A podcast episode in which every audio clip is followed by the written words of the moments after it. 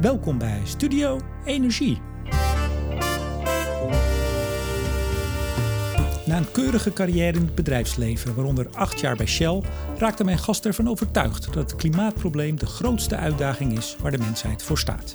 Hij ging de politiek in, maar kon in de Tweede Kamer onvoldoende verschil maken, zo vond hij zelf.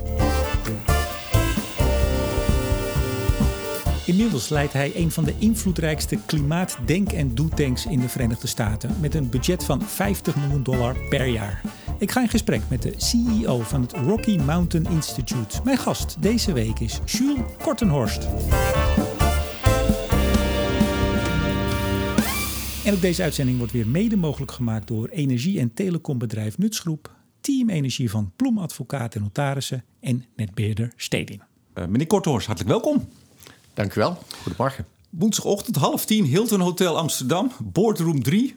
Uh, gisteren aangekomen hè, uit Amerika. Dat klopt. Net op tijd voor de voetbalwedstrijd van de Nederlandse dames. Mooie overwinning tegen Japan. Ja, al, al lang weg. Maar uh, ja, dan gaat het oranje bloed toch weer stromen, denk ik. Ja, misschien zelfs eigenlijk nog wel meer. Ik heb altijd gemerkt dat als je in het buitenland woont... dan word je uh, weer trotser op het Nederlands elftal. Dan is de haring bij aankomst op Schiphol nog lekkerder. En dan zijn de bitterballen en het biertje welkom. Ja, en die mooie KLM, dat is geloof ik ook altijd een baken het buitenland... als het, als het toestel in zicht is. Absoluut. Waarom bent u in Nederland? Um, ik heb een aantal afspraken uh, vandaag uh, hier in Nederland. Uh, het werk wat wij als instituut doen is wereldwijd. En dat betekent dus ook soms in Nederland zijn. daarnaast ben ik als adviseur betrokken bij een Nederlands bedrijfje. Dus om die reden ben ik in, in het land. No, noem ze even, dat vinden ze denk ik leuk. Ja, het bedrijf waar ik vanmiddag op bezoek ga is Landlife Company. een, een startende onderneming die zich bezighoudt met de herbebossing Um, en een prachtige manier om CO2 uit de atmosfeer te halen. Nou, sterker, our mission is to reforest the world's 2 billion hectares of degraded land, staat pontificaal op de site. Dat klopt. Dat is nog eens een missie. Dat is een serieuze missie, ja. Uh, als je het klimaatprobleem wil aanpakken, dan praat je automatisch over hele grote aantallen, hele grote bedragen, hele grote systemen. Uh, dus het is een hele stoere missie. Uh, maar het bedrijf heeft naar mijn inschatting een hele mooie uh, set van technologieën ontwikkeld en is hard onderweg om het leidende bedrijf op dit gebied te worden. We gaan het zo over uw carrière hebben geleid naar de functie nu. We gaan het uiteraard over het instituut hebben en vooral natuurlijk over de missie van uw instituut komen we allemaal op. Maar even, u was tot 1 februari ook commissaris bij Stedin. Nou is Stedin sponsor van deze podcast, maar het heeft niets met elkaar te maken. Ja, in ieder geval niet dat ik wist. Ik was, ik was verbaasd toen ik hoorde dat Stedin uh, uw uh, podcast sponsort. Maar hartstikke leuk. Ja, ik, eh, want wij zijn een beetje... Ik had u al op mijn lijstje staan, moet ik zeggen. Ik heb zo'n lijstje. Je hebt zo'n lijstje, dat hebt u vast ook. En je zegt, nou, die, die, die wil ik nog wel eens spreken. Of nou, voor een podcast. Dus ik had u al staan. En wij zijn eigenlijk door een wederzijdse kennis uh, met elkaar in contact gebracht. maar dus niets met Stedin te maken. Toch goed om even te zeggen. Geen ja. enkele invloed van die sponsor. Um, economie gestudeerd McKinsey gegaan, keurige carrière, Shell. Een paar jaar, chef in Bulgarije geloof ik nog geweest. Uh, uiteindelijk kunnen en kennen waarschijnlijk een aantal mensen u nog uit de politiek. U hebt twee jaar in de Tweede Kamer gezeten, voor het CDA. Dat klopt. Nadat u eerst, uh, waarschijnlijk was dat een jeugdzonde voor D66. dat is heel lang geleden. dat wordt dan toch altijd genoemd ja, in de biografie. Ja, ja, Komt u nooit meer vanaf. Um, uh, twee jaar in de Kamer. Uh, ja, niet zo lang dus. U bent er ook zelf uitgegaan. Want, en dat wordt ook in alle, alle biografieën over u geschreven... geïnspireerd door een Inconvenient Truth uit 2006. Ja, ik... Um ik ging de Tweede Kamer in omdat ik ervan overtuigd was geraakt dat het duurzaamheidsprobleem en heel specifiek het klimaatprobleem de grootste uitdaging is waar de mensheid voor staat. Um, en, en, toen kwam u in de Kamer. en toen was het een enorme uitdaging om op dat dossier een bijdrage te leveren die in lijn was met mijn persoonlijke missie. Um, tegelijkertijd was ik me enorm bewust van het feit dat ik een eed had afgelegd. Uh, en een, een om, om, als Kamerlid uh, ten dienste van het land te werken voor een periode van vier jaar. Dus dat was een dilemma. Uh, en toen mij gevraagd werd om de Europese Klimaatstichting op te richten, ehm, ben ik dus ook eigenlijk een beetje met, met schaamrood op de kaken naar de premier gegaan. Jan-Peter Balkenende die had mij gevraagd om, om ehm, op de lijst te gaan staan. En hij zegt, Jan-Peter, je weet dat mijn passie uh, de klimaatproblematiek is. Uh, ik realiseer me dat ik me heb verbonden aan vier jaar Kamerlidmaatschap. Maar ik denk toch dat ik een grotere bijdrage kan leveren uh, door nu aan dit probleem te gaan werken in de context van de stichting. En wat zei de premier toen? Die zei: je moet je hart volgen. Uh, dat was heel grappig. Uh, hij, was er, hij was redelijk duidelijk in. Jullie begrijpen waar, waar je vandaan komt. Jan-Peter deelde mijn passie, deelt nog steeds mijn passie voor duurzaamheid. Nou, hij is ook vooral gaan delen toen hij uit de politiek ging, geloof ik. Hij was in de politiek uh, uh, al betrokken op dit onderwerp. Maar hij was ook een politieke realist. En, en de bewegingsvrijheid was beperkt in die tijd. Uh, met name ook in, in de situatie van het, de kabinetten die hij leidde. Dus ik denk dat, dat, dat u daar gelijk in heeft. Dat, dat zijn passie daar later nog explicieter over is geworden. Nog explicieter. Ja. U, u, noemde hem al even tussen neus en lippen door, want hij was nog niet gevallen. De European Climate Foundation. U was uh, oprichtend CEO. Uh, zo heet dat, geloof ik. Hè? U was de eerste, toch? Ik was de eerste. Ja. Um, en dat was de first philanthropic organization solely dedicated to reducing CO2 in Europe. De eerste filantropische instelling, volledig gericht op. Ik ben altijd zo benieuwd, want in Amerika is filantropie natuurlijk uh, huge. Uh, in Europa vaak iets minder. Wie, wie, heeft dat nou uiteindelijk opgericht? Wie zegt op een gegeven moment: hier een zak geld, Jules, ga jij dat eens leiden? Ja, um, de. de uh, financiële middelen kwamen van een aantal uh, stichtingen en, en donors die al op dit onderwerp betrokken waren uh, vanuit de Verenigde Staten en elders in Europa. Uh, de Hewlett Foundation, de grote stichting van meneer Hewlett van Hewlett Packard, de Oak Foundation, een Zwitserse familiestichting, maar ook de Children's Investment Fund Foundation van Chris Horn, die in die tijd in Nederland bekendheid had be bereikt door uh, een brief aan meneer Rijkman Groening te sturen over het beleid bij de ABN AMRO Bank, maar die uh, zijn persoonlijke missie op het gebied van klimaatverandering met heel veel financiële middelen realiseerde. Dus die groep had zich geformeerd en had geconcludeerd dat we in Europa een dergelijke stichting nodig hadden, die zich ging richten op het versnellen uh, van de energietransitie en het aanpakken van het klimaatprobleem. En die kwamen bij mij terecht en vroegen mij of ik bereid zou zijn om de, de, stichting te helpen oprichten en als eerste CEO op te gaan treden. Maar hoe komen ze, dat vind ik altijd zo leuk, hoe komen ze dan bij u? Ja, dat gaat met headhunters, met executive okay. search firma's. Die hadden een lijstje gemaakt van mensen die wat over de energietransitie wisten. En die uh, in het uh, bedrijfsleven hadden gewerkt. En tegelijkertijd uh, begrepen hoe het politieke systeem werkte. En dat is een redelijk kort lijstje geweest, denk ik. Ja, u bent daar drie jaar gebleven. Als ik, als ik zeg dat ik dat niet heel lang vind, wat zegt u dan? Ja, dat, dat is waar. Soms ben je um, meest effectief als ondernemer en soms ben je meest effectief als veranderingsleider. En soms ben je het meest effectief uh, om een bestaand systeem een langere tijd leiding te geven. Uh, dat was de, de juiste periode daar. Uh, maar u heeft gelijk. soms, soms denk je achteraf van... God, had dat nog wat langer moeten doen. aan de andere kant zijn er soms motiverende redenen... waarom je zegt van nou, nu is het weer het volgende stap. Ja, want u bent ook met uw vrouw... en ik, ik haal uw vrouw er even bij... omdat het ook in uw biografie of op de site zo staat... nou, ik geloof de, hele wereld over geweest. In veel landen gewoond, gewerkt. Speelt dat dan ook mee? Dat je daardoor wat mobieler bent en dus ook uiteindelijk, uw, uw vrouw is Amerikaans, uiteindelijk ook weer in Amerika belandt? Ja, dat, dat klopt. sterker nog, ik denk dat dat met de keuze van het Rocky Mountain Instituut gaan leiden uitdrukkelijk een, een factor is geweest. Um, wij zijn um, inderdaad over de hele wereld uh, geweest. We hebben in Hongkong gewoond, in Bulgarije gewoond, uh, in België, in de Verenigde Staten. En we hadden inmiddels een lange tijd in Europa gewoond. En het was dus een geweldige kans om in uh, Amerika te wonen. Met name ook omdat drie van mijn vier kinderen op dat moment al daar studeerden. Dus dan, dan is de familiereden een, een zwaarwegende. Ja, en toen kwam dus, ik denk het aanbod, of misschien heeft u zichzelf wel aangeboden, dat zou ook nog kunnen, om het Rocky Mountain Institute te gaan leiden. Dat klopt. Ja, dat was, dat was inderdaad out of the blue een beetje werd mij gevraagd om dat te overwegen. En dat was een, een prachtige kans. Ja, wat is het? Het Rocky Mountain Instituut is een denk- en doe tank. Uh, een, een, vreselijk anglicanisme ben ik bang, maar zo noemen we het nou eenmaal. Uh, we zijn uh, van origine een denktank die zich met het, het, onderwerp duurzaamheid en energietransitie bezighoudt. Maar in de afgelopen jaren ook steeds meer op actie gericht, op het uitvoeren van, de gedacht, van het gedachtegoed van het instituut. Um, uh, opgericht uh, ruim 37 jaar geleden door Amory Lovens. Um, maar Weet iedereen wie Amory Lovens is?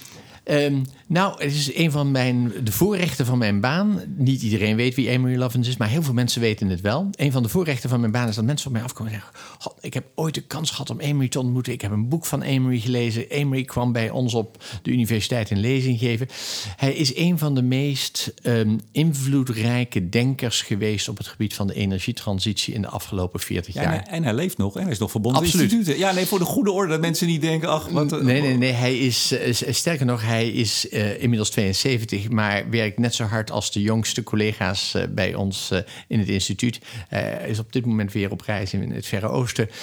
hij draagt onze boodschap op een geweldig invloedrijke en, en indrukwekkende manier uit. en schrijft nog, ehm, denkt nog na, helpt het werk wat wij doen op allerlei manieren. Ja, want hij heeft een artikel geschreven. Dat is eigenlijk de basis. Nee, komen we zo op. Ik wil nog even het instituut. Want als mensen in Nederland horen denktank... dan denken ze, oh, er zitten drie man in een, in een bezemkast. We hebben het hier over een, over een hele grote organisatie. meer dan 200 mensen? Ja. Budget van 40, 50 miljoen 50 miljoen. Ja. En dat groeit ook heel hard, het budget. Hè? Want het was volgens mij een paar jaar geleden was het de helft. Um, ja, minder. Um, Waar haalt u al het geld vandaan? Nou ja, dat, hoort, dat hoort bij mijn werk. Een van mijn belangrijke taken als uh, uh, chief exec is het bedelen uh, bij de donors om ons instituut te ondersteunen. en dat, gaat, gaat goed af dus? Dat gaat, dat gaat best goed. ik denk met name omdat veel van onze supporters ook zien dat we die slag hebben gemaakt van inzicht naar invloed en, en impact. Uh, en zien dat het werk wat we doen ook echt resultaat oplevert. Uh, dus een, uh, ruim 75% van de in, eh, inkomsten van het instituut komen van donors, grote stichtingen die het, het werk van ons instituut willen ondersteunen. Ja, want u, u, bent ook, althans, het instituut is gefuseerd met de club van Richard Branson. Ik noem het maar even de club. Hoe heet je ook weer? De, de... Carbon War Room. Carbon War Room. Ja, dat past ook wel bij meneer Branson, geloof ik, hè? van Goed, uh, aanpakken. Helemaal, helemaal op zijn lijf geschreven, absoluut. Ja, ik, ik kan me voorstellen dat meneer Branson ook nog wel wat geld ieder jaar nu overmaakt. Ja, hij is een van onze grootste ondersteuners. Hij is ook erg gepassioneerd over het onderwerp. En uh, het is nou eenmaal zo dat als Richard een tweet de wereld instuurt over een van de dingen die wij doen, dan wordt het door een hele hoop mensen gelezen. Dus hij is een geweldige partner en, en, en uh, betrokkenen en ondersteuner van ons instituut. Geeft hij gewoon bijna al het geld, of niet? Nee, nee, nee. nee. Is dat een Hollandse vragen? Dat weet ja, dat is een heerlijke Hollandse vraag. En dat, en dat mag ook best. Dat is goed om te weten. Nee, nee. Eh, enerzijds omdat Richard niet alleen gepassioneerd is over klimaatverandering. Hij is ook een grote ondersteuner van de Elders en van het B-team en allerlei andere filantropische organisaties. Een, een luchtvaartmaatschappij opgericht. Hij is ook gek van vliegen dus. Hij is ook gek van vliegen. Uh, maar daarnaast uh, is het goed dat wij een hele brede portefeuille van ondersteuners hebben. Uh, al was het alleen maar omdat we op die manier uh, onafhankelijk kunnen blijven. En dat is wel heel essentieel voor het instituut. Wij zijn independent, we zijn onafhankelijk, we zijn niet politiek en we zijn ook uitdrukkelijk niet ideologisch. Uh, en die onafhankelijkheid die bewerkstellig je voor een deel om een, een, door een brede basis van financiële middelen aan te trekken. Ja, u zei dat in 82 opgericht. U zit in Boulder, Colorado. Klopt. En toen ik, ik heb dan altijd meteen John Denver in het hoofd. Eh, ik weet niet hoe dat komt. Ik ben er fan van. Maar u, u bent ook begonnen het instituut op zijn, uh, ja, hoe heet dat? Hij wilde toen heel veel uh, land daar redden. Ja. Help me even. En u bent er toen ook gevestigd. Ja, uh, dat was wel ver voor mijn tijd. De maar... zanger John Denver. Ik zeg ja. even voor de jonge luisteraars ja. die denken, wie is dat? Rocky Mountain Road. Ach, heerlijk. ik, ik kan het niet nazingen, maar het is Laten absoluut we dat niet doen. onderdeel van, van, de, van de setting waarin wij begonnen zijn. John Denver... Het Windstar Land Conserve. Conservancy. Yes. Klopt. Um, uh, John uh, Denver en Amory werden uh, vrienden in de Aspen Valley... in een prachtig stuk van de Rocky Mountains. En eh, John was geïnspireerd door het gedachtegoed van Amory... en het werk van Amory. En gaf eh, Amory daarom het recht om het instituut te vestigen... op een prachtig stuk conservatieland in de bergen. dus daar staat het, een van de kantoren van, uh, van RMI. Maar we hebben inmiddels een, een grotere footprint. We hebben een kantoor in New York, in DC, in San Francisco, in Beijing. een zusterorganisatie in Delhi. we gaan binnenkort in Ethiopië een kleine vestiging in Afrika neerzetten. Kortom, het, de footprint groeit snel. Ja, en ook uw carbon footprint, want u zit steeds in het vliegtuig natuurlijk. Ja, dat is een gigantische uitdaging. Um, kunt, u, kunt die vestiging toch ook niet openen? Dan hoeft u er ook niet heen. Ja, maar dan kunnen we geen werk bewerkstelligen daar. Dat, is een, dat, is een, dat is een prachtige vraag, want uh, uh, Greta Thunberg, het uh, Zweedse schoolmeisje... wat zoveel teweeg heeft gebracht in de afgelopen tijd... dwingt ons er iedere keer weer toe om heel kritisch die vraag te stellen. is het wel verantwoord om in dit vliegtuig te stappen? uiteraard doen wij bij Rocky Mountain Instituut... net als iedere andere organisatie ehm, braaf ons best om de offsets te verzorgen. Sterker nog, wij kopen twee keer zoveel offsets dan uh, de totale aantal uitstoot van uh, ons vliegen. Maar dan nog, hoe gaan we die sector nou helpen om het traject naar carbonneutraal in te zetten? Dat is ingewikkelder dan bijna iedere andere sector. afgelopen week hadden we samen met het World Economic Forum een groep van luchtvaartbedrijven bij elkaar in Parijs om over die vragen te spreken. En het is terecht dat u het opmerkt. We moeten ook in die sector de echte substantiële oplossingen ontwikkelen. En in juist die sector is dat nog ingewikkelder, want biobrandstoffen gaan nog niet snel genoeg. Elektrische vliegtuigen komen er wel aan, maar dat gaat nog een lange tijd duren. Ja. Uh, Amory heeft lang geleden al gepubliceerd over de mogelijkheid om vliegtuigen uh, met een brandstofcel en waterstof te laten vliegen. Dat klonk mij tot voor kort echt als een droom in de oren. En toch lijkt het er nu op dat Boeing en Airbus die technologie ook gaan uh, ontwikkelen. Uh, kortom, op termijn zien we ook in die sector kansen, maar voorlopig zitten we nog aan de offsets vast. En dat is niet altijd helemaal uh, de, de juiste oplossing. Ja, u, u, liet het al even vallen, het World Economic Forum. U bent co-voorzitter, heet dat geloof ik, van de Future Council on Energy. Maar u hebt volgens mij nog veel meer nevenfuncties. Moeten we die even doornemen of zegt u van? Nou, uh, er zijn natuurlijk absoluut uh, taken die ik doe naast het werk bij het Rocky Mountain Institute, die um, belangrijk zijn in het versnellen van de energietransitie. Um, ik spreek dadelijk graag over de Energy Transition Commission. Maar soms doe je ook dingen omdat je weet door je naam eraan te verbinden dat je bepaalde zaken verder kunt duwen in de goede richting. Um, bij het World Economic Forum is het natuurlijk duidelijk dat de, de wereldleiders bij elkaar komen om over belangrijke dingen te spreken. En als je het debat in die setting een beetje kunt beïnvloeden, dan is dat een nuttige bijdrage. Ehm, en in die zin ben ik, ben ik verheugd om daar een, een, bijdrage aan te hebben kunnen leveren. Maar je moet je natuurlijk tegelijkertijd ook bewust zijn iedere keer weer van wat is nou de juiste agenda, waar, waar zeg je wel ja tegen en waar zeg je van nou dat kunnen we er niet naast doen. Nee, want u, u zit ook bij de, even kijken hoor, ik moet even op mijn lijstje, de, de Council of the Energy Web Foundation. Ja, uh, dat, is, dat is iets wat uh, heel uitdrukkelijk een onderdeel van de agenda van het Rocky Mountain Institute is.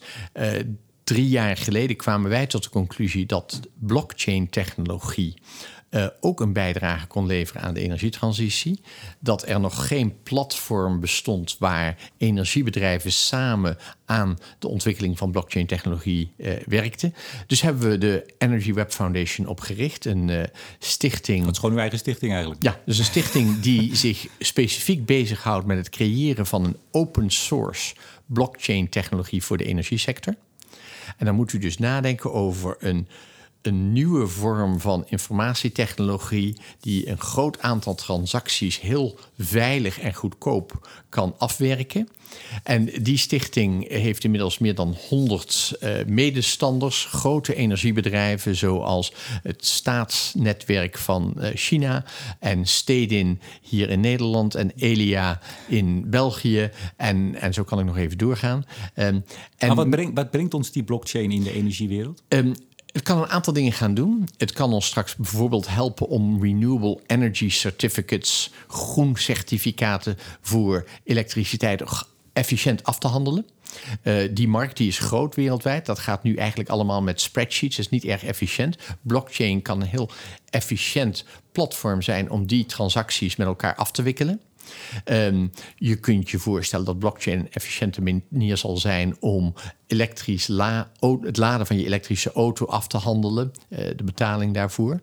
Maar het meest fundamenteel is de mogelijkheid dat je op termijn zou kunnen voorstellen dat de elektronen die bij uw zonnepanelen en mijn elektrische auto, die we daar delen, dat we die afhandelen via blockchain. Blockchain is met name geschikt om kleine transacties snel, efficiënt en goedkoop en veilig af te handelen. En dat wordt wel de toekomst van een gedecentraliseerd elektriciteitssysteem. Veel consumenten die ook producenten zijn, eh, veel kleine transacties. Eh, eh, kleine gebruikers en producentjes uh, op het energienetwerk uh, die met elkaar informatie moeten delen. Dus met die achtergrond is Energie, Energy Web Foundation gelanceerd. En afgelopen week zijn we heel tevreden erin geslaagd om de blockchain-infrastructuur live te brengen. Hij draait nu. en we hopen dat op korte termijn meer en meer bedrijven van die technologie gebruik zullen gaan maken. Heel goed. Um, we gaan weer naar Amory Lovins. De oprichter die schreef in 76 een, zoals dat in het Engels heet, een landmark article um, in Foreign Affairs, Energy Strategy, The Road Not Taken. We spraken even voor de, voordat we begonnen. Het, het, het meest, wat was het meest gepubliceerde of ge, gedownloade? na, nagedrukte, herdrukte artikel van Foreign Affairs ooit. Ja, en Foreign Affairs, voor wie dat niet kent, dat is een belangrijk blad. Ja, dat is een vooraanstaand blad op het gebied van uh, internationale politiek. Uh, we hebben toevallig uh, vorig jaar dit, dit, 40-jarige verjaardag van dat artikel gevierd. En de oorspronkelijke publicist was erbij. En die zei: Ja, dat was toen zo'n controversieel gezichtspunt wat Emery daar neerzette. Want hij omschrijft daar 40 jaar geleden al uh, de energietransitie. Nou, kun je je iets bij voorstellen. Maar wat hij met name zegt en wat... wat Beetje meest... op de golven van de oliecrisis van de Absoluut. jaren 70. Ja, ja, uh, maar wat hij met name zegt en wat misschien wel het meest controversieel was, hij zegt er hoeft geen één op één relatie te zitten tussen nationaal inkomen en energieverbruik. Je kunt je economie laten groeien zonder dat je proportioneel steeds meer energie gaat gebruiken. En dat was toen heel baanbrekend, want iedereen zei: voor iedere volgende euro eh, aan nationaal inkomen moeten we weer een, een barrel oil gebruiken. En, en het doorbreken van die relatie heeft zich in de loop der tijden absoluut bewezen. Uh, sterker nog, het traject wat Emery in dat artikel neerlegt, uh, heeft zich inderdaad uh, in, in, in de loop der tijd uitgerold en laat zien dat economieën steeds energie-efficiënter worden.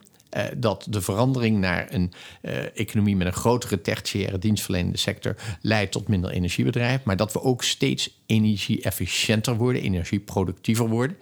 En dat de is mate waarin, daar, daar zijn we nou weer niet zo blij mee. Het is te ja, weinig. Ja, dat klopt. Uh, wat Emery toen voorspelde, heeft zich inderdaad wel voorgedaan. Orde van grootte 1,5 procent energieproductiviteitsverbetering per jaar. Maar om de doelstelling onder het Parijsakkoord te halen, moeten we dat verdubbelen. Veel dus, weinig, dus ja. u heeft gelijk. Het is, het is ongeveer de helft van waar we moeten zijn. Het versnelt wel de laatste jaren, maar uh, we komen van een niveau wat, wat bij lange na niet voldoende is. En dat is frustrerend, want bijna alle investeringen in energie-efficiëntie zijn winstgevend. Uh, uiteindelijk weten we allemaal best dat het vervangen van een traditionele gloeilamp door een ledlamp dat dat op termijn zich terugbetaalt. En allerlei praktische redenen dat het niet gebeurt. Ik was weer vergeten om dat ding te kopen. Uh, God, ik moet door mijn hele huis heen lopen en precies ik uitzoeken wat ik nodig heb. In. Het is allemaal te ingewikkeld. Ja. En dat is op. Nou, bij bedrijven zien we dat ook natuurlijk. Dat, ik wou zeggen, dat is op consumentenniveau, maar op bedrijfsniveau precies hetzelfde. Niet ieder bedrijf wat gepassioneerd is over de energietransitie, is noodzakelijkwijs even gedisciplineerd in het maken van de noodzakelijke Maar zijn ze dan wel gepassioneerd, als we eerlijk zijn? Um, dat is een goede vraag. Uh, sommige wel, andere niet. Uh, maar wat, wat mij opvalt is dat energieefficiëntie met name een, um, uh, een een vakgebied is waar gedisciplineerde uitvoering cruciaal is. Dus niet alleen een mooie doelstelling van de chief exec, maar een praktische uitvoering dagdagelijks door de organisatie. Mechanismen in gang zetten waarmee we meten hoe energie-efficiënt we zijn en waar we precies uitzoeken waar we de volgende dollar kunnen verdienen door de goede investering te maken. En daar zijn bedrijven nog niet goed genoeg in. Ja. Emery had het over de harde weg die er is, die er was tot dat moment 76, en de zachte weg. Hebben we die nu al behandeld of kunnen we daar nog even... Wat is die harde weg en wat is dan vooral die zachte weg? Ja, die zachte weg is uiteindelijk een pad van energie-efficiëntie en duurzame energie. Maar het is ook in zekere zin, denk ik, gebleken een pad van een andere mindset. Historisch is de energievoorziening er een van hele grote investeringen in grote fabrieken, zwaar industrieel, eh, kapitaalsintensief. En doordat het kapitaalsintensief is, vaak ook langzame projecten, langdurige projecten, grote investeringen. Maar, maar hij zei er moet gekozen worden tussen die twee Ja. wegen. Maar dat bedoelde hij toch volgens mij, we moeten de zachte weg hebben. Ja. Of, of kon het ook de harde worden, als er maar gekozen werd? Nou, ik denk dat Emery heel uitdrukkelijk een voorstander was van soft energy path en dus van die andere weg. Ja, want Eh, hij zei ook, en dat, dat fascineert mij. ehm, it re- represents a shift uh, in direction, offers many social, economic and geopolitical advantages, including virtual elimination of nuclear proliferation. Ik, kan, ik struikel erover. Proliferation, Ja. ja. Wat, wa- waar kwam dat ineens om de hoek? Ja, dat is een goede vraag en dat is een interessant aspect van de milieubeweging en eh, het gedachtegoed in die tijd. We praten over de jaren 70. En veel van de mensen die zich toen gepassioneerd bezig hielden met duurzaamheid en met eh, het begin van de zorgen over het klimaatprobleem, waren tegelijkertijd ook erg betrokken met het onderwerp van nucleaire proliferatie, eh, kernenergie en kernwapens. En veel van de bewegingen in die tijd waren in belangrijke mate dezelfde mensen. Ja. Ehm, Maar mag ik u onderbreken? Ja. Wilt u niet eigenlijk zeggen dat ze gewoon ook tegen kernenergie waren? ja, ja, nee, ik denk dat dat, dat absoluut waar is. Maar dat is toch eigenlijk heel gek? Want eh, daar zitten we nu nog steeds. Want dat is de jaren 70 is ook de oprichting van de Friends of the Earth en, en Greenpeace, Ja. et cetera. En nou ja, er zijn ook, ook in Nederland een aantal eh, hardcore eh kernenergie-voorstanders. die inmiddels de NGO's wel verwijten dat hun strijd tegen kernenergie er mede voor heeft gezorgd dat we nu in de problemen zitten. Qua uitstoot. Ja, ehm, ik denk dat daar voor een, een deel voor te beargumenteren zou zijn. Waren het niet dat eh, de wetten van de economie op dit moment kernenergie eigenlijk geen haalbaar mechanisme meer maken, geen haalbare technologie meer maken? Maar is dat niet gebeurd? Dat is voor een deel misschien tegen- gekomen door de zorgen die mensen hebben gehad over veiligheid.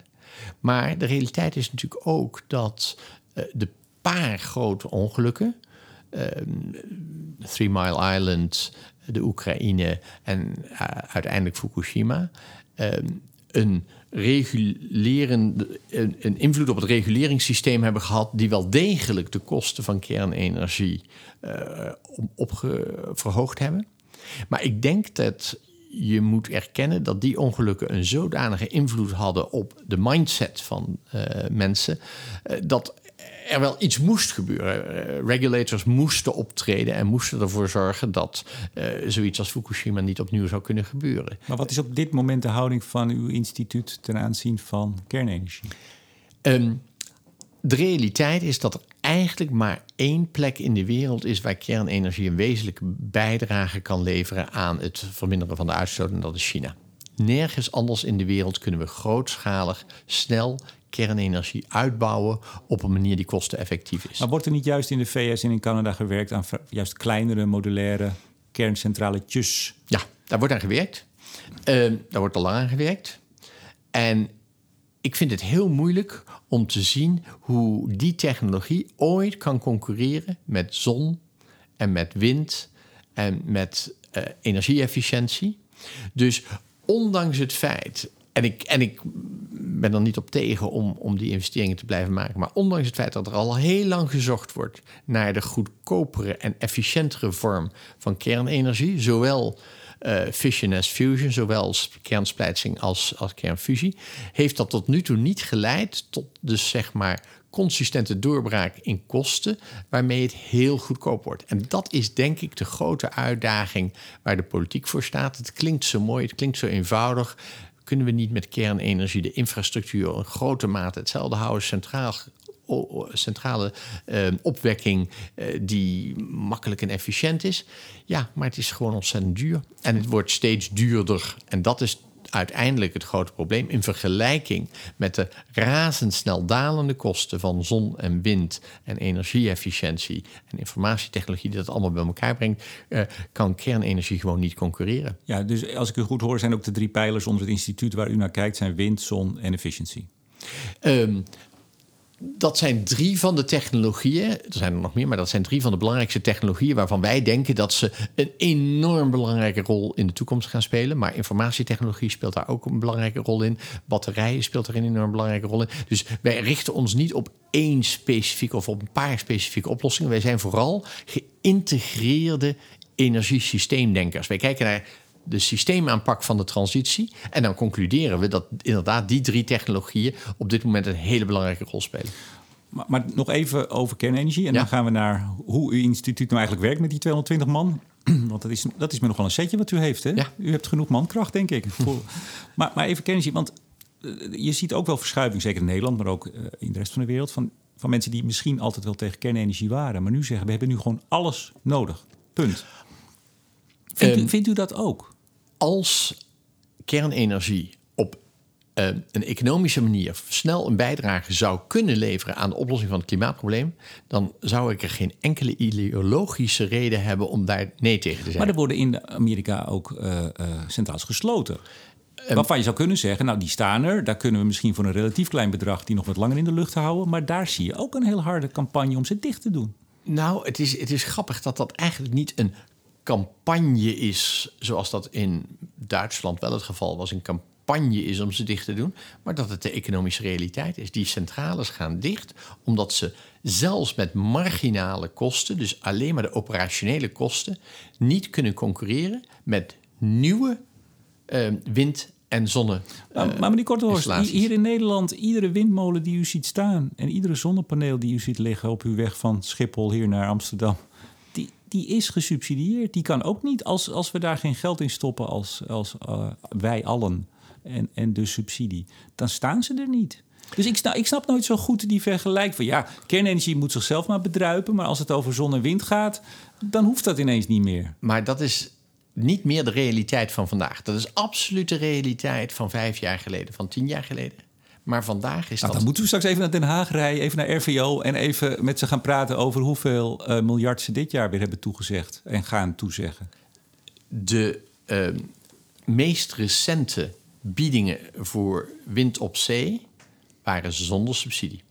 En dat is een reflectie van uh, het feit dat deze technologieën ieder jaar weer goedkoper worden door het zogenaamde learning effect. Nou heb ik twee weken geleden de Wind Days mogen presenteren in Nederland, waar twee dagen de hele windenergiesector bij elkaar komt. En het thema daar is: houden we dit wel vol? Uh, die prijsdaling. In de zin dat de onderaannemers nu de prijs betalen voor de hoofdaannemers die uh, met nul subsidie aanbieden. Dus de, marges en uh, het is niet Hosanna in de Nederlandse windsector als het gaat over die subsidievrije parken. En het is absoluut waar dat dit een ongelooflijk concurrerende industrie aan het worden is. En dat de rendementen onder druk staan. Maar de onderliggende voortdurende uitbouw van de technologie, die gaat constant door. En zoals u ongetwijfeld toen ook gehoord hebt, zijn zowel uh, Siemens als Vestas als GE bezig met nog grotere windmolens. Zeker. Met uh, nog hogere capaciteiten en vooral ook met nog hogere capaciteitsfactoren. Dat wil zeggen, nog meer wind uit de lucht kunnen plukken om die molen te laten draaien. Je zegt het heel mooi. Plukken. uh, daarnaast, eens, helemaal eens. Daarnaast ben ik commissaris bij een bedrijfje Um, wat um, een goedkopere windtoren heeft ontwikkeld. Hebben het over Keystone, Keystone Towers? Tower ja, dat, dacht ik. Uh, en, en zo zijn er uh, nog veel meer technologieontwikkeling die wind goedkoper en goedkoper en goedkoper maken. Naarmate we hoger in de lucht eh, de wind eh, eh, bereiken, kunnen we een hogere capaciteitsfactor bereiken, kunnen we nog meer, nog consistenter wind produceren. Maar we moeten ze ook wel ergens neerzetten. En dat is bij u in Amerika niet zo'n probleem. Nee, maar we hebben heel veel ruimte. En in hebben we Nederland hebben we wat iets- minder iets minder. Maar we hebben gelukkig een heel groot continentaal plat. Waar heel veel ruimte is om eh, windparken uit te bouwen. Dat zal een belangrijke factor eh, zijn. Dus eh, u heeft gelijk, de, de marges staan onder druk. Je gaat aan wind en zon dus ook geen 20% rendement verdienen. Dat is gewoon de realiteit. Dat is een, eh, een, een sector waar het rendement steeds lager wordt. Eh, maar de kosten die blijven wel omlaag gaan. En ook bij zonne-energie zien we dat. Ook bij batterijen zien we dat die, die technologische ontwikkeling die gaat razendsnel door. De schaalvoordelen eh, nemen nog steeds toe. De uitrol wereldwijd draagt daaraan bij. En als gevolg gaan die kosten maar omlaag en omlaag en omlaag. Ja, ik, ik, had even, ik had ze even neergelegd voordat we begonnen. Eh, twee A4'tjes. Eén met inderdaad die, die dalende kosten, hè, dat wat spectaculair gedaald is. Maar ook het, het, het plaatje, in dit geval van de World Bank. Maar hè, de, de verhouding fossiel, niet fossiel, is al 33 jaar, ruim 33 jaar gelijk. Oftewel, als ik het even heel plat zeg, zon en wind slaan geen deuk in een pakje boter bij die enorm stijgende energievraag. Want daar gaat het dan om. Tot op heden. Ja, daar komen we. Tot op heden. Want, gewoon even op de man af. Denkt u dat we het met zon en wind en energieefficiëntie gaan redden? De wereld, hè? we hebben het niet over Nederland, de wereld. Kunnen wij een energiesysteem bouwen dat gebaseerd is in grote mate op zon en wind en een beetje waterkracht en geothermiek en energieefficiëntie en digitalisering? Ja, die technologieën die zijn absoluut nu klaar om het energiesysteem te gaan overnemen. Kunnen we daarmee op tijd voldoende impact maken gezien de omvang van het systeem? Dat is een cruciale vraag. En, wat is het antwoord? En mijn, mijn inschatting is dat dat een enorme uitdaging is. Ik zeg Nee, soms... meneer, Kort, nee, meneer Korthorst, nee, even. In Amerika komt u weg met dit soort eh, van die... Als u dit in het Engels doet, dan, dan klinkt het nog mooier. Het, het is een vraag en het is een uitdaging. Gewoon, u, bent al zo lang... Ja. U bent de politiek uitgegaan omdat u aan de bak wilde. Toch? U Dus een eerlijk antwoord, zegt u. U, nou ja, nee, gewoon een antwoord. Gaan, Ja. we, gaan we dat redden? U, u weet, u zit in alle grote fora in de wereld. U spreekt met de wereldleiders. U, u heeft een beeld. Gaan we dat redden of niet? Met zon, wind, efficiëntie, blockchain en wat, wat dan niet? Ik zeg vaak dat ik manisch depressief ben. Aan de ene kant Heb ik niet gemerkt nog. ben ik manisch enthousiast over het tempo van de energietransitie, de toekomst van deze technologieën, de mate waarin eh, leiders rond de hele wereld nu zich bewust zijn van het probleem, de financieringsmechanismen die worden opgetuigd, et cetera, et cetera. Maar ik ben depressief over het feit dat het klimaatprobleem zo groot is. Dat ons inzicht in het klimaatprobleem ons steeds meer vertelt hoe urgent het is. En het feit dat we dus als we die twee dingen bij elkaar optellen, een heel groot systeem dat moet worden omgebouwd en waar we hard aan trekken. Maar u liet het plaatje al zien, waar we tot op heden eigenlijk heel weinig bereikt hebben. En een, een, een urgentie die steeds duidelijker wordt, eh, dan kun je daar erg gedeprimeerd van worden. Ehm, onze oprichter Emily Lovens die zegt altijd: ja, maar het gaat niet over de vraag of je optimistisch bent of pessimistisch bent. Het gaat over toegepaste hoop. En wat hij daarmee bedoelt is dat eh, de mindset, het, het gedachtegoed van ik ben optimistisch of ik ben pessimistisch, ja, daar, daar kun je zo weinig mee. Maar hoop toepassen en zeggen: we hebben de technologieën, we weten wat we moeten doen, ik ga dat nu toepassen, we gaan onze mouwen oprollen en we gaan aan de slag. Dat is eigenlijk een betere mindset. En vandaar dat ik die vraag dus enigszins ontweek. Want eh, ik kan ons nu een, een, een, een heel, heel droevige mindset aanpraten. Van we gaan het allemaal niet redden en het, het, het, het wordt het niet en het is zo moeilijk. Absoluut allemaal waar. Eh, of ik kan een jubelend verhaal gaan vertellen van we hebben alle technologieën en het staat op het punt om te veranderen. Ook absoluut waar. Eh, maar we kunnen beter hoop toepassen en zeggen we weten precies wat we moeten doen. Mouwen oprollen, aan de slag. En dat is misschien ook de reden waarom ons instituut zo gegroeid is, waarom ik met zoveel passie over dit onderwerp praat.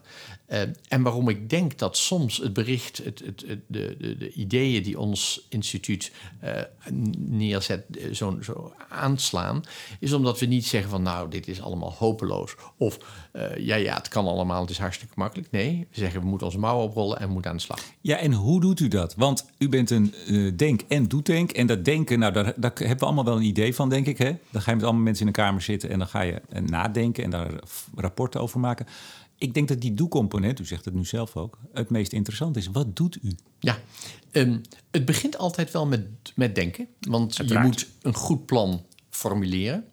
Uh, vervolgens ga je de ideeën die uit dat denkwerk voortkomen, ga je testen, ga je demonstreren en dan ga je ze opschalen. Dus ons instituut heeft drie stappen, een drie stappen plan bij ieder uh, idee wat we aanpakken. Uh, think, do, scale. Denken, uh, demonstreren, eerste stappen maken, doen en opschalen. Um, en in heel veel van de programma's uh, die we uh, draaien, kun je die drie slag terugvinden. Ik zal een paar voorbeelden geven. Een aantal jaren geleden werden de uh, CEO's van grote bedrijven steeds gepassioneerder over duurzame energie en zagen ze dat ze daar een bijdrage aan konden leveren door toezeggingen te doen omtrent hun inkoop van duurzame energie. Uh, kortom, 100% duurzame energie werd het mantra van Google en Amazon en Walmart, uh, maar ook bedrijven zoals Philips en Axo. En vervolgens zat er iemand in de afdeling inkoop die zei: Oh, dat is een goede doelstelling, maar hoe ga ik dat nou precies aanpakken? Dus we hebben eerst een aantal ideeën ontwikkeld over hoe bedrijven dit kunnen implementeren. Die hebben we vervolgens met een klein groepje bedrijven uitgetest. En daarna hebben we um, de Renewable Energy Buyers Alliance helpen oprichten, waarbij we nu uh, 250 van de grootste bedrijven in Amerika bij elkaar hebben gebracht. De grootste inkopers van energie, die allemaal hebben toegezegd dat ze die transitie naar duurzame energie gaan maken. En uh, we helpen die bedrijven om nieuwe dealstructuren te bedenken, om clubdeals te doen, waarbij een aantal bedrijven samen een, de elektriciteit van een windpark inkopen. Uh, we helpen deze bedrijven om uh, de, de, contractvormen te standaardiseren. kortom, we hebben allerlei marktbarrières helpen opruimen, zodat die markt in de afgelopen jaren van een halve gigawatt vijf jaar geleden naar vorig jaar 8,5 gigawatt in de Verenigde Staten is gegroeid. En we rollen dat nu uit uh, naar China en andere locaties. Uh, uh, een, een, ander voorbeeld uh, van hetzelfde gedachtegoed is dat we door de Indiase regering werden benaderd om na te denken over elektrische mobiliteit. En in eerste instantie met de denktank van minister, minister-president Modi een rapport hebben geschreven over de toekomst van mobiliteit in India. En dat is een hele andere dan die van Nederland. Want in Nederland denk je natuurlijk in eerste instantie aan, het, aan de auto die iedereen voor de deur heeft staan. Uh, in India is de, de rol van de individuele auto maar heel beperkt. En zijn tweewielers en driewielers, fietsen, rickshaws en dergelijke. En veel belangrijker onderdeel van component, component van het mobiliteitssysteem. En daarnaast natuurlijk public transport. Uh, ze hebben een plan helpen maken. We zijn nu dat plan aan het uitrollen in een beperkt aantal steden, Pune, Mumbai. En tegelijkertijd werken we met de Indiase regering aan beleid. Uh, wat uh, binnenkort um, aangekondigd moet gaan worden omtrent de transitie. En wat we zien is dat het vertrouwen in de ideeën en in het succes van de eerste pilots uh, de overheid nu de, de, de, lef geeft om een heel, heel stoer beleid neer te gaan zetten op het gebied van die elektriciteitstransitie ja. voor vervoer. Bent u niet gewoon een bedrijf? Nee, want we zijn uh, een uh, missiegeoriënteerde organisatie. Dus wat wij maar dat, doen. Dat zijn, er zijn heel veel bedrijven ook. Ja, dat, dat is waar. Maar wij, wij hoeven uiteindelijk geen winst te maken. Dus, dus wij, wij komen niet uit bed s morgens om uh, winst te maken. Sterker nog, we hebben afgelopen week met. Er zijn heel veel bedrijven die geen winst maken. ja, maar sommige, sommige van die bedrijven die geen winst maken, zouden dat toch wel heel graag maar doen. U begrijpt denk ik wel wat ik bedoel, ja, toch? Hè? Ja. Begonnen als idealistische denktank. En, en nu bent u eigenlijk gewoon een wereldwijd wereldwijde multinational aan het worden. Ja, dat, we, opereren zeker op wereldwijde schaal. Dat ben ik helemaal met u eens. We willen ook heel hard groeien, want het probleem waar we aan staan is, is gigantisch. Um, ik heb net afgelopen week met het bestuur het budget voor het afgelopen jaar, voor het aankomende jaar uh, goedgekeurd. En uh, we gaan het komende jaar weer 40% groeien van ongeveer 220 mensen naar ongeveer 300 mensen. Um, dus ja, in die zin lijkt het in zekere zin op een bedrijf, maar 75% van onze financiële middelen komen van donoren, van goede doelen, van stichtingen en, en individuen die ons werk ondersteunen. Uh, en daarnaast doen wij die dingen waarvan we zeggen die versnellen de energietransitie en die dragen bij aan onze missie. Wij zeggen niet iedere ochtend, wat kunnen we nou doen om het meeste geld te verdienen? Als we dat zouden doen, dan zouden we veel meer consultingwerk doen voor individuele bedrijven. En dat doen we niet. We gaan best vaak met bedrijven rond de tafel zitten en kijken wat we samen kunnen doen. Maar het is altijd vanuit het perspectief van de missie, niet vanuit het perspectief van de bottom line. Wanneer gaat u weer terug? Um, ik ben nog uh, een, uh, een, een, paar dagen hier in uh, Europa. Um, Aanstaande maandag hebben we een vergadering van de Energietransitiecommissie. Uh, nog een interessant onderwerp waar we uh, nog eens over verder ik, kunnen Ik zou bijna zeggen welke, want er zijn zoveel... In Nederland bedoelt ja. u, er zijn zoveel commissies. Welke is dit? Ja, nee, dit is een wereldwijde commissie. Ah.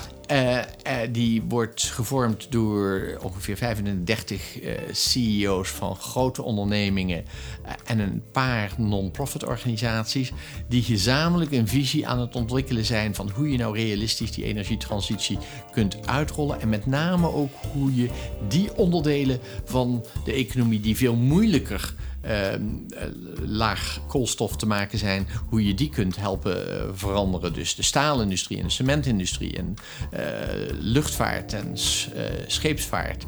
Um, en daar ben ik maandag nog en dan vlieg ik weer terug naar de Verenigde Staten. Terug naar Boulder. Boulder, terug naar Colorado. Boulder, Colorado. Dat klopt.